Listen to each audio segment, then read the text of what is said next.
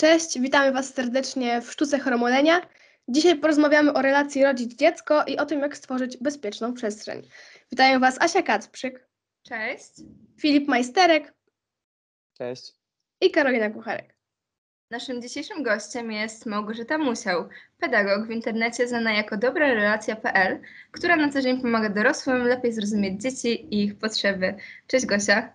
Cześć, witajcie. Witamy Cię serdecznie. E, Na początku chcielibyśmy zacząć od takiego, chyba wydaje mi się, typowego pytania, dlaczego nam jako dzieciom jest tak trudno otworzyć się przed rodzicami, e, skoro wydawałoby się, że jest, są to dla nas najbliższe osoby. O mamo, jakby było cudownie, gdyby istniała jakaś prosta odpowiedź na to pytanie. Że jest jedna albo dwie rzeczy, która sprawia, które sprawiają, że jest trudno. No ale spróbujmy w takim razie po kolei się przyjrzeć. Myślę, że mm, może tu wpływać em, kwestia jakichś wcześniejszych doświadczeń komunikacyjnych. I na przykład tego, że emocje rodzica y, w, przy poruszaniu niektórych tematów są tak dla dziecka trudne, silne, że ono woli y, z niektórymi rzeczami się nie wychylać.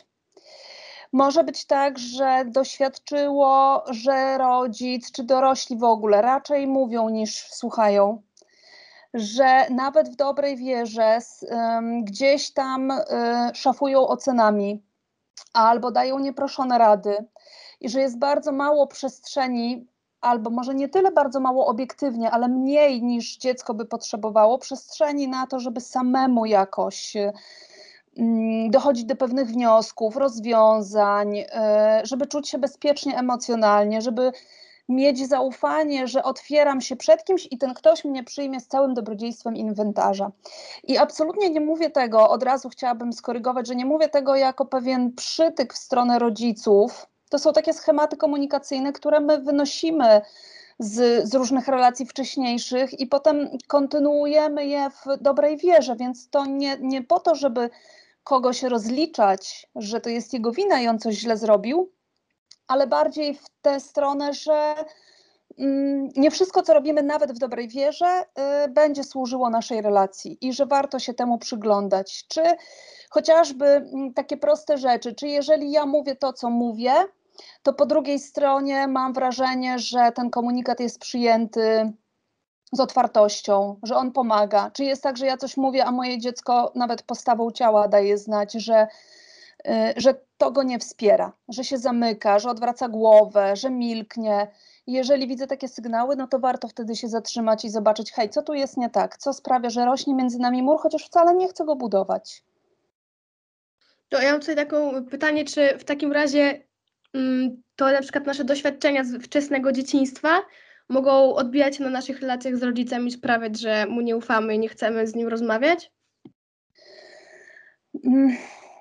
No tak jest w istocie, tak jest, to znaczy, no rzeczywiście y, mamy różne doświadczenia, trudno je tu wszystkie zebrać i wypunktować, że to na pewno to zadziałało albo to, natomiast ogół relacji tutaj wpływa. Y, czymś, co bardzo może być niszczące dla relacji między rodzicami a dziećmi jest stosowanie kar i nagród w wychowaniu. I bardzo się cieszę, że coraz więcej mówi się o tym, żeby jednak próbować odchodzić od tego paradygmatu kary i winy, dlatego że mm, oddziaływanie na dziecko za pomocą kary bardzo mocno zatrzymuje nas na powierzchni jakiegoś zachowania i utrudnia nam wniknięcie w życie emocjonalne drugiego człowieka. Czyli jeżeli moje małe dziecko zachowuje się w sposób, którego ja nie lubię, mm, i powtarzałam mu już wiele razy, żeby tego nie robiło, a ono to robi i, i mi przychodzi do głowy, żeby je ukarać, to ja nie pomagam ani sobie, ani temu dziecku lepiej zrozumieć pewnych mechanizmów i nie daję mu sygnału, to co jest pod Twoim zachowaniem mnie interesuje. Interesuje mnie, co jest u Ciebie w środku, gdzie to się pojawia, jakie emocje, jakie myśli, przekonania. Więc to na pewno y, jest tak, że mm, jeśli brakuje tych doświadczeń, takiego zaglądania z ciekawością pod tą powierzchnię, to może być trudniej o dialog. Ale nie chciałabym, żebyśmy poszli w stronę takich bardzo zero-jedynkowych y, powiązań, jeśli A to B, bo jednak relacje to zbyt skomplikowana, sk- skomplikowana rzeczywistość, żeby ją ubrać w takie mm, proste określenia i proste mechanizmy. W takim razie, jak od samego początku wzbudzić zaufanie w dziecku i pomóc mu się przed nami otworzyć?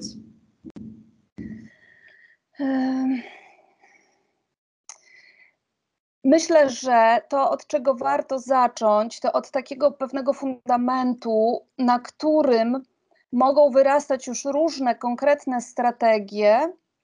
I to w sumie nie będzie takie ważne, jakie są te strategie. Zaraz powiem konkretnie o co mi chodzi, ale fundamentalne znaczenie ma to podłoże, moje intencje, czyli jak ja patrzę na moje dziecko.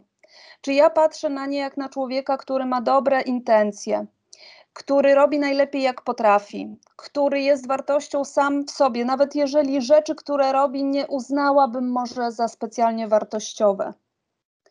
Jeśli mam takie podejście i potrafię większość czasu, bo nie wiem, czy to jest możliwe, żeby zawsze, ale większość czasu przyglądać się z zaciekawieniem, jak to się dzieje, że moje dziecko wybiera takie, a nie inne działanie. O co tam chodzi? O co ono ważnego i pięknego próbuje się zatroszczyć? to nawet jeśli chcę, ym, żebyśmy w toku wspólnego szukania rozwiązań zmienili to jego zachowanie, to ono i tak będzie wiedziało, że jest w porządku takie, jakie jest. Być może to brzmi trochę enigmatycznie, więc przenieśmy się na, jakiś taki, na jakąś płaszczyznę bardziej konkretną. Załóżmy, że mój czteroletni syn ma napady agresji, chociaż to nie jest dobre określenie napady agresji, ale ma takie zachowania agresywne względem swojej dwuletniej siostry. I teraz on bardzo dobrze wie, bo już wiele razy słyszał, że nie wolno innych bić, że to jest nie w porządku, że warto wyrażać swoje emocje słowami albo przyjść i poprosić o pomoc, a jednak te sytuacje się powtarzają.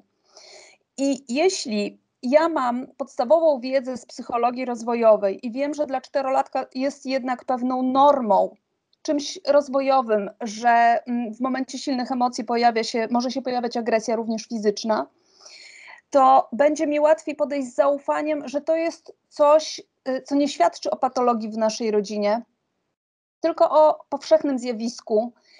E, Będzie mi łatwiej nie tyle mówić, ok, no masz 4 lata, to lej siostrę, jakoś może sobie poradzi, tylko wesprzeć go w tym. Widzę, że się zdenerwowałeś, przekierować jakoś tą energię, zadbać o to, żeby mm, w profilaktyce, w takiej prewencji, w naszym codziennym byciu razem pojawiało się więcej działań regula y, regulacyjnych, żeby on jak najrzadziej miał potrzebę sięgać po takie działania y, siłowe i żeby też nie rosło w nim takie przekonanie, że z nim jest coś nie tak, skoro jemu się ciągle i ciągle mówi, że ma nie bić, a on bije. I to są takie drobiazgi, które y, zwiększają nasze szanse na to, że stworzy się między nami więź, w której dziecko będzie czuło, że cokolwiek się dzieje, to ono u rodzica znajdzie sojusznika, że może mu zaufać, bo nawet jeśli rodzic nie będzie się z czymś zgadzał, nawet jeśli będzie mu z czymś trudno, nawet jeśli nie będzie czegoś pochwalał, to będzie potrafił powiedzieć o tym w sposób, który jest bezpiecznie emocjonalny, który nie ocenia dziecka, nie krytykuje, nie odmawia mu miłości, ale jest cały czas nastawiony, albo przez większość czasu, nastawiony jest na to, żeby jednak próbować razem rozwiązywać e, różne trudności i stawiać czoła wyzwaniom. E, Jasne. A ja mam też takie pytanie, bo wydaje mi się, że często rodzice nie obserwują swoich dzieci e, i przez to te problemy mogą narastać, więc jakbyś mogła nam tak opowiedzieć, jak dziecko może sygnalizować, że coś jest nie tak, tyle że nie mówiąc po prostu tego wprost. Y, Chodzi nie o wskazówki dla dziecka, tylko o wskazówki dla rodzica, po czym może poznać. To jest, zgadza się. y, to jest bardzo obszerne pytanie y, i ja mm, w odpowiedzi na to pytanie mam inne pytanie. Co to znaczy, że coś jest nie tak? Wie, wiesz, dziecko staje się chociażby tak jak e, mówiłaś, e, agresywny, panikuje, zaczyna obgryzać paznokcie, e, nie potrafi e, komunikować się z innymi dziećmi, jeżeli się z nimi komunikuje, e, to właśnie w sposób taki bardziej agresywny, e, zaborczy. Nie potrafi też rozmawiać z rodzicami, czuje lęk przed rodzicami. Mhm. Czyli w zasadzie mamy zestaw różnych sygnałów i zachowań, które pokazują nam, że dziecku może być trudno. I jak ja pracuję z rodzicami, to często y, spotykam się z tym, że oni coś czują intuicyjnie. Okej, nie zawsze tak jest, bo my mamy też różne filtry i nakładki i zdarza się, że wszystko przebiega całkowicie rozwojowo, a rodzic i tak się zadręcza, że coś jest nie tak, że na pewno coś tutaj nie pasuje, że on coś schrzanił, mówiąc już tak dosyć może dosadnie. Mm, I e, więc na to też warto wziąć poprawkę, ale uogólniając, mam duże zaufanie do rodzicielskiej intuicji, bo rodzice często czują, zwłaszcza jeśli mają więcej niż jedno dziecko i pojawia się jakiś taki punkt odniesienia, e, bo na przykład widzę, że moje drugie dziecko zupełnie inaczej się rozwija e, i że to jest bliższe pewnej, nie chcę powiedzieć, że normie, ale pewnej jakiejś powszechności pewnemu, pewnym takim spodziewanym oczekiwaniom, czyli na przykład widzę, że to moje drugie dziecko e, jest dzieckiem, któremu szybciej przychodzi powrót do równowagi. E, I że ono w tym nie potrzebuje wsparcia, i że to wcale nie musi być tak, że dzieci w tym wieku potrzebują pół godziny, 40 minut czy godzinę, zanim wrócą do równowagi po silnych emocjach. Czyli ja już wiem, że jeśli jedno z moich dzieci ma taki e, długi czas powrotu do równowagi, a drugie ma krótszy, to wiem, że to nie musi być normą i że chcę poszukać jakiegoś wsparcia gdzieś, żeby temu dziecku pomóc. To nie oznacza, że z dzieckiem jest coś nie tak, ale że mogłoby mu być łatwiej. Więc y, gdyby to sprowadzić do jakiejś prostej odpowiedzi, to ja myślę sobie, że jeżeli tylko rodzica coś nie, niepokoi, e, tylko pojawia się w nim myśl, że mogłoby być łatwiej, to warto poszukać wsparcia, bo i tak najczęściej to wsparcie dotyczy rodziców. Ja pracuję tylko z rodzicami. e, mm, W myśl też takiej zasady, że to rodzice będą e, i głównie spędzają czas z dzieckiem i to oni będą głównym motorem zmiany, więc samo spotykanie się z dziećmi raz na tydzień, czy nawet dwa razy w tygodniu i wspieranie ich w nabywaniu jakichś kompetencji, czy przepracowywaniu różnych rzeczy, to jest oczywiście bardzo cenne w niektórych przypadkach, ale i tak nie jesteśmy w stanie odciąć się od takiej pracy z rodzicami, bo to oni będą pielęgnować te, te zmiany i te nowe wzorce. Tutaj właśnie wspomniałaś o tej pracy z rodzicami. To może byś powiedziała, jakie są takie najczęstsze problemy, z jakimi się zwracają do ciebie rodzice? Jeśli chodzi o małe dzieci, to to jest najczęściej agresja. I to, że one mm, bardzo gwałtownie reagują na y, silne emocje. Bardzo często mam konsultacje dotyczące, że dzieci się biją, y, że, że dziecko właśnie z agresją fizyczną również zwraca się do rodzica, y, że pojawiają się wybuchy silnych emocji, y, których rodzice nie potrafią jakoś zracjonalizować i przypisać im konkretnego powodu, więc myślą sobie, że to jest tak y, trochę bez powodu i się niepokoją.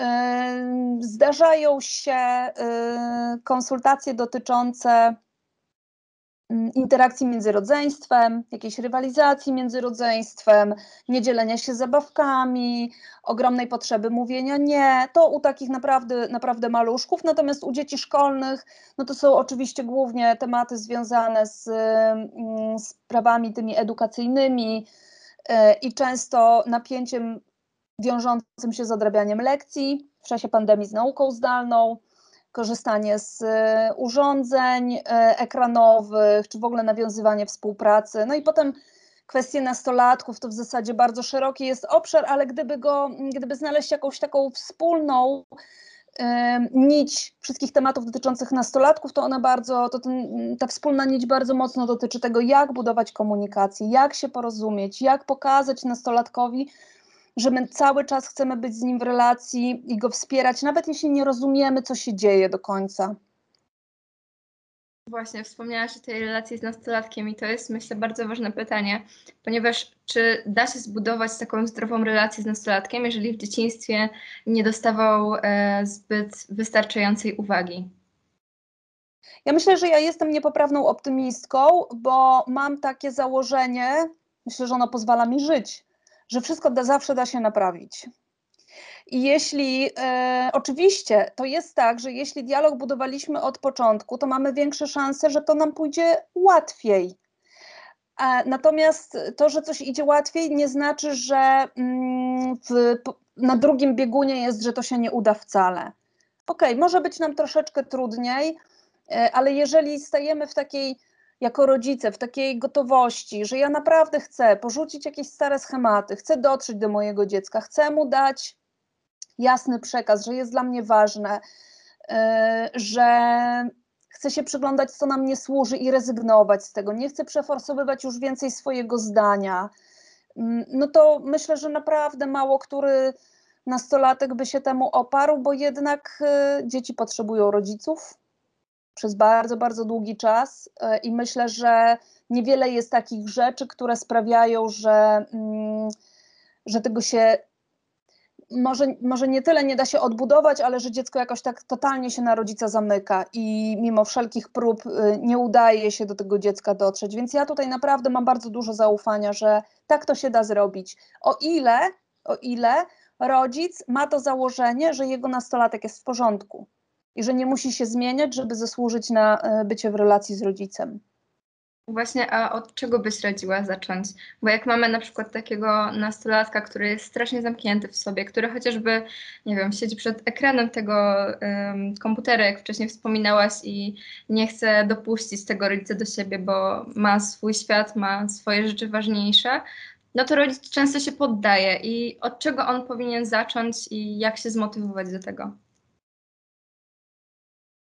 Ja myślę, że w takiej sytuacji mogą być przynajmniej dwie drogi, które rodzic e, może wybrać. I jedna droga może bardzo mocno wiązać się z lękiem, czyli że ja muszę natychmiast coś zrobić, żeby to dziecko odciągnąć od komputera, wyciągnąć je trochę na zewnątrz, dowiedzieć się, co tam się dzieje, bo umieram z niepokoju, kiedy ono jest takie zamknięte. I to jest moim zdaniem droga do tego, żeby to się zatrzasnęło jeszcze mocniej.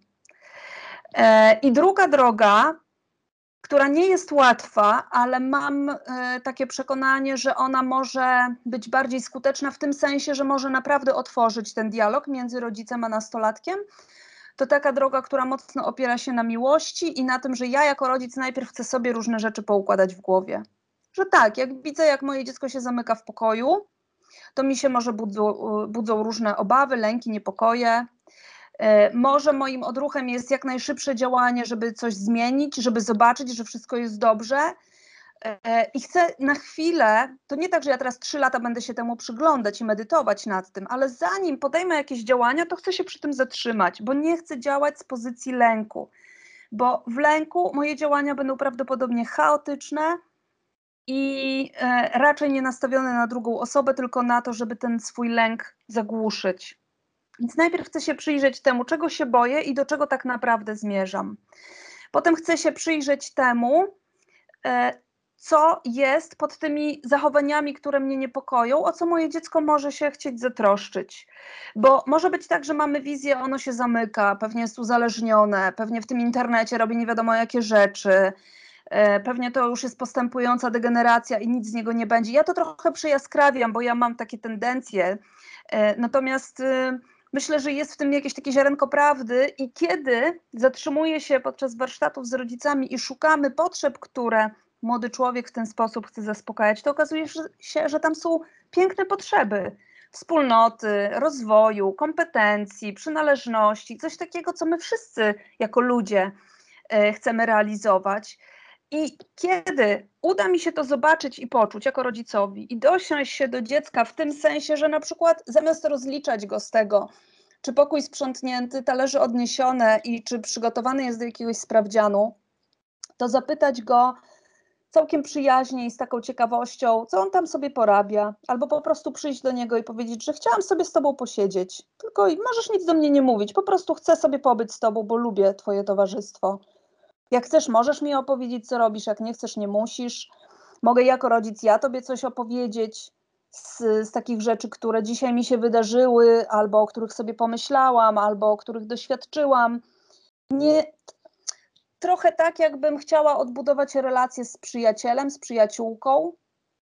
E, niespiesznie, bez żadnego smrodku dydaktycznego, bez żadnej chęci sprowadzania kogoś na w cudzysłowie dobrą drogę, tylko po prostu chcę żebyśmy odnaleźli tę drogę sami do siebie. Ja sobie myślę, że w ogóle używam strasznie dużo jakichś takich wzniosłych y, pojęć, które mogą brzmieć mm, albo enigmatycznie, mało konkretnie, albo właśnie jakoś tak patetycznie, ale y, trudno mi się od tego odkleić, bo naprawdę jako mamie trójki nastolatków bardzo mocno mi towarzyszy przekonanie o, tej szuka, o tym szukaniu drogi, o tym takim łapaniu kontaktu ze sobą na zupełnie innej płaszczyźnie niż to się często chce robić, czyli okej, jasne, oni mają do zrobienia jakieś lekcje, mają jakieś obowiązki w domu, mają jakieś zobowiązania, ale to wszystko to jest tylko kawałek codzienności, a ja bym chciała, żebyśmy budowali tą relację na głębszym poziomie.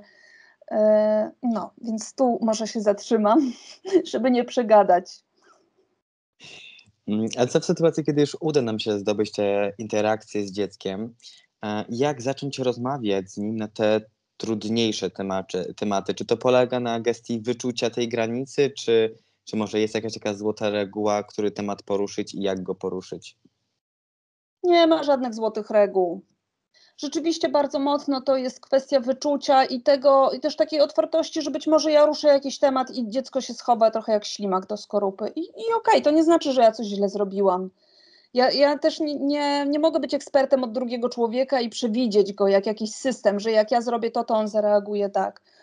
Natomiast e, cieszę się, że zadajesz to pytanie, bo jeśli mm, wchodzimy w takie podejście, że drugi człowiek jest w porządku taki, jaki jest, to nie ma tam miejsca na krytykę.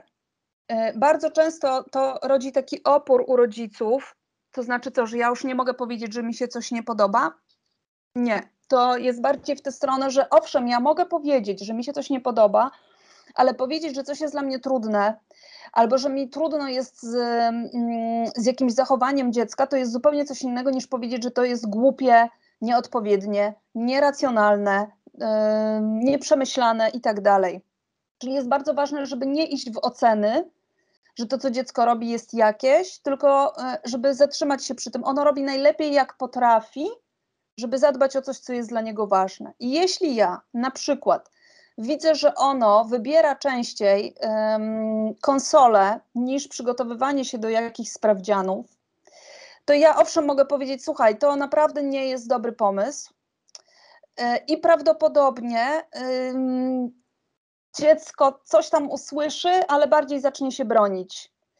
E, Zwłaszcza też z tego powodu, że jednak nastolatki mają bardzo mocno już tą potrzebę decydowania o sobie i podejmowania własnych decyzji. To są ludzie na progu dorosłości, nie mogą cały czas mieć wskazywane palcem, co i kiedy powinni robić.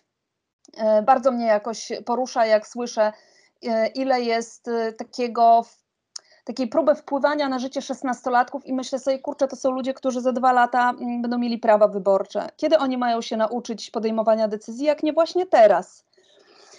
Okej, abstrahując, odchodząc od tego, e, dobrze by było, żeby te, ten komunikat, który ja chcę mm, nastolatkowi przekazać, zaczynał się na przykład od sprawdzenia, jak on to widzi. Wiem, że masz teraz ym, albo sesję, albo kończy się semestr. y, I ja mam taką obserwację, być może niesłuszną, że mm, poświęcasz trzy godziny dziennie nagranie mniej więcej, y, a jakoś y, nie widzę, może po prostu tego nie zauważam, Twojego czasu poświęcanego na naukę. Czy tak jest rze- rzeczywiście, czy to jest prawda, to co ja obserwuję, czy, czy jakoś mi coś umyka? No tak, faktycznie tak jest. Okej, i co ty o tym myślisz? Czy to jest tak, że nie uczysz się, bo się czujesz z tego mocny, czujesz, że nie, nie ma takiej potrzeby? Czy to jest tak, że trudno ci wybrać naukę? Są jakieś przeszkody, albo sobie myślisz, że jeszcze masz czas? To jest y, bardzo trudno przekazać, jak prowadzić taki dialog, bo ja sobie myślę, że taka rozmowa jest możliwa, jeśli właśnie my mamy to podłoże zbudowane na bardzo silnym zaufaniu. Czyli, że to dziecko wie, że ja nie przychodzę, żeby je karcić, że ono ma wiele doświadczeń wcześniejszych, że ja przychodzę z czystym zainteresowaniem, ciekawością, nieciekawskością yy, i chęcią pomocy. I jeżeli ta pomoc będzie potrzebna. I chcę też powiedzieć, że mam doświadczenie, że nawet jeśli mój komunikat nie jest idealnie skonstruowany, to to nasze wielokrotne doświadczenie stawania ramię w ramię rodzic z dzieckiem bardzo mocno procentuje w takich sytuacjach, bo oni mają zaufanie do moich dobrych intencji. Więc nawet jak coś nam zgrzytnie, nawet jak y, ja powiem coś, co zostanie odebrane może trochę jako jakiś atak albo wtrącanie się, to na bazie tej relacji, którą mamy, to się daje wyprostować. I, więc to jest naprawdę ważne, żeby było dużo tych interakcji, zanim zaczniemy poruszać jakieś trudne zachowania, żeby było dużo tych interakcji, które przywracają dziecku wiarę w to, że rodzic jest po jego stronie. Ja mam tu też takie ostatnie pytanie, to też dotyczy tych trudnych tematów. Jak na przykład w przypadku rozwodu, bo wiadomo, że to jest trudny temat dla dziecka, to jak pomimo takich problemów rodzinnych wesprzeć dziecko tak, żeby te problemy się nie odbiły na jego psychice? Ja myślę, że to jest tak, że nie można wesprzeć tak, żeby p- problemy się nie odbiły na psychice. Że to jest takie założenie, y, które może być trochę pułapką. I że jeżeli ja jako rodzic sobie stawiam taki cel, to bardzo szybko będę rozgoryczona i sfrustrowana. Tego się nie da tak zrobić. Natomiast mogę pomóc mojemu dziecku, mojemu nastolatkowi przejść przez to mm, możliwie jak najłagodniej, z możliwie jak najmniejszymi skutkami ubocznymi. I jeśli chcę to zrobić, to najpierw zadaję sobie pytanie, czy ja mam na to zasoby, czy ja sama przechodzę to rozstanie, tą sytuację w taki sposób, że mam gdzieś wsparcie. e, I nawet jeżeli to jest dla mnie trudne, to czuję, że stoję na ziemi, że wiem, co się dzieje, że e, radzę sobie. To nie jest dobre określenie, bo my wszystko, co robimy, robimy po to, żeby sobie radzić, ale że, że ja jestem. Dostaję taką opiekę i takie wsparcie, które pomaga mi iść e, w miarę stabilnie przez tą sytuację. I wtedy mam zasoby, żeby pomóc też przejść przez to mojemu dziecku. Ale jeśli tak nie jest, to dobrze by było rozważyć e, znalezienie takiej osoby albo z rodziny, albo z kręgu przyjaciół, albo profesjonalisty, który pomoże. Bo jeżeli ja sama jako rodzic mam trudności w odnalezieniu się w tej sytuacji, no to nie jestem w stanie prowadzić jeszcze kogoś innego przez to. I jeśli okaże się, że te zasoby mam, to mm, będzie to na wagę złota, ponieważ coś, co nam pomaga bardzo przechodzić przez trudne sytuacje, to uznanie wszystkiego, e, czego doświadczamy.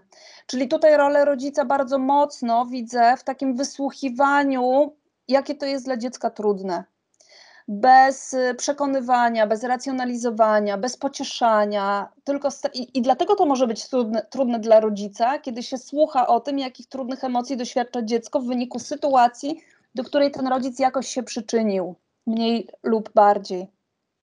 Ale słuchanie o tym, że, że jest ciężko, że może rodzice wybrali rozwiązanie, w którym dziecko się nie odnajduje, bo, bo może się widzi rzadziej z jednym rodzicem, a mm, częściej z drugim, a może właśnie widzi się porówno, ale zmienia domy, albo jest jeszcze jakaś inna sytuacja, albo że mm, pojawiają się jakieś takie zachowania ze strony rodziców, które na dziecku się odbijają i są dla niego trudne, więc słuchanie tego bez poczucia winy, bez przekonywania, że dziecka, też te dziecięce odczucia są nieprawidłowe, tylko z taką akceptacją i uznaniem, że to wszystko, czego doświadczasz, jest w porządku. Niechęć do, jakiej, do jakichś zachowań, y, może złość na rodziców, może złe myśli o sobie, może przypisywanie sobie winy, że to wszystko jest w porządku w tym sensie, że masz prawo to odczuwać. Czasem to może być naprawdę zadanie dla kogoś, kto profesjonalnie jest przygotowany do, mm, do towarzyszenia w taki sposób. Basiu, bardzo Ci dziękujemy za te cenne odpowiedzi i wszystkie rady, a rodziców zachęcamy do tego, aby rozmawiali i słuchali swoich dzieci. Dziękuję Wam bardzo. Dziękujemy i również chcielibyśmy naszych słuchaczy zaprosić na Twój podcast, podcast Dobre Relacje.